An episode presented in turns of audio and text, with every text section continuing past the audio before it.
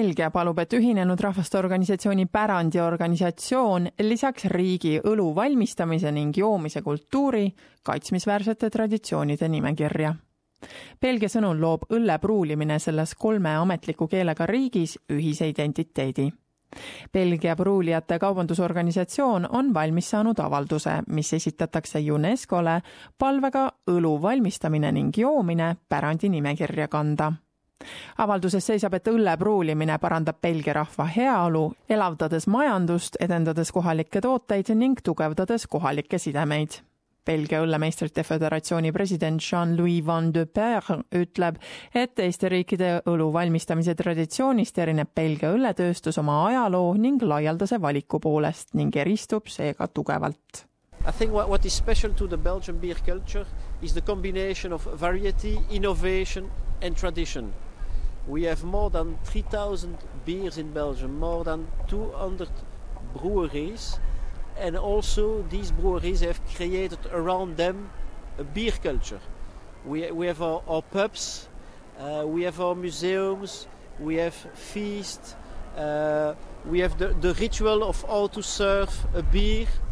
tema sõnul ekspordib Belgia kaks kolmandikku oma õlletoodangust kohalik jurist Gregory Lepoudre ütleb, et õlu on Belgias rahvuslik uhkus. tema sõnul on tal hea meel, et see õlu, mida ta joob, pruuliti ta kodulinnas. Euh, je crois que c'est une, euh, une belle reconnaissance pour notre pays. Je crois que c'est quelque chose qui. I think this is a great recognition for our country. I think this is something that has always been alive in our culture and in the history of our country. I think that every Belgian knows that Belgian beer is recognised worldwide. When we travel around the world, this is the first thing that people mention. It's chocolate and Belgian beer.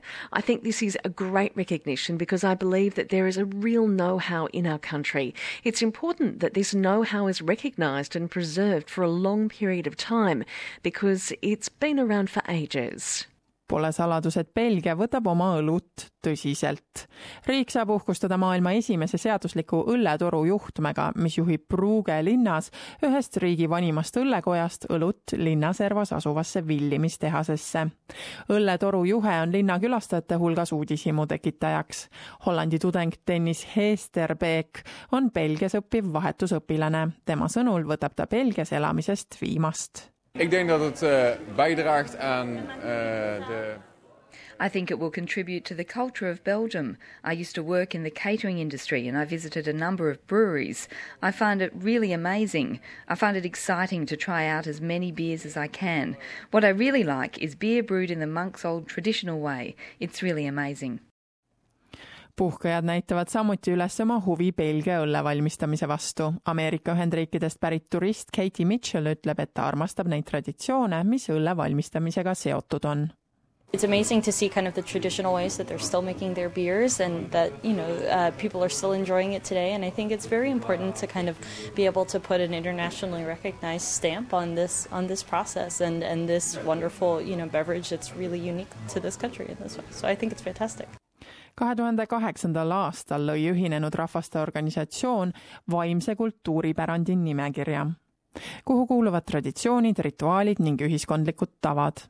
selleks, et sinna nimekirja kandideerida, peavad need traditsioonid olema ühelt põlvkonnalt teisele edasi antud ning neile, kes selliste tavadega tegelevad, andma teatud identiteeditunde UNESCO vaimse kultuuripärandi komitee kohtub praegu Etioopias. See otsustab, kas Belgia õlu ning kolmkümmend kuus teist tegevust, nagu näiteks India jooga või Tšehhi ja Slovakkia käpiknuku teater, peaksid sellesse nimekirja saama.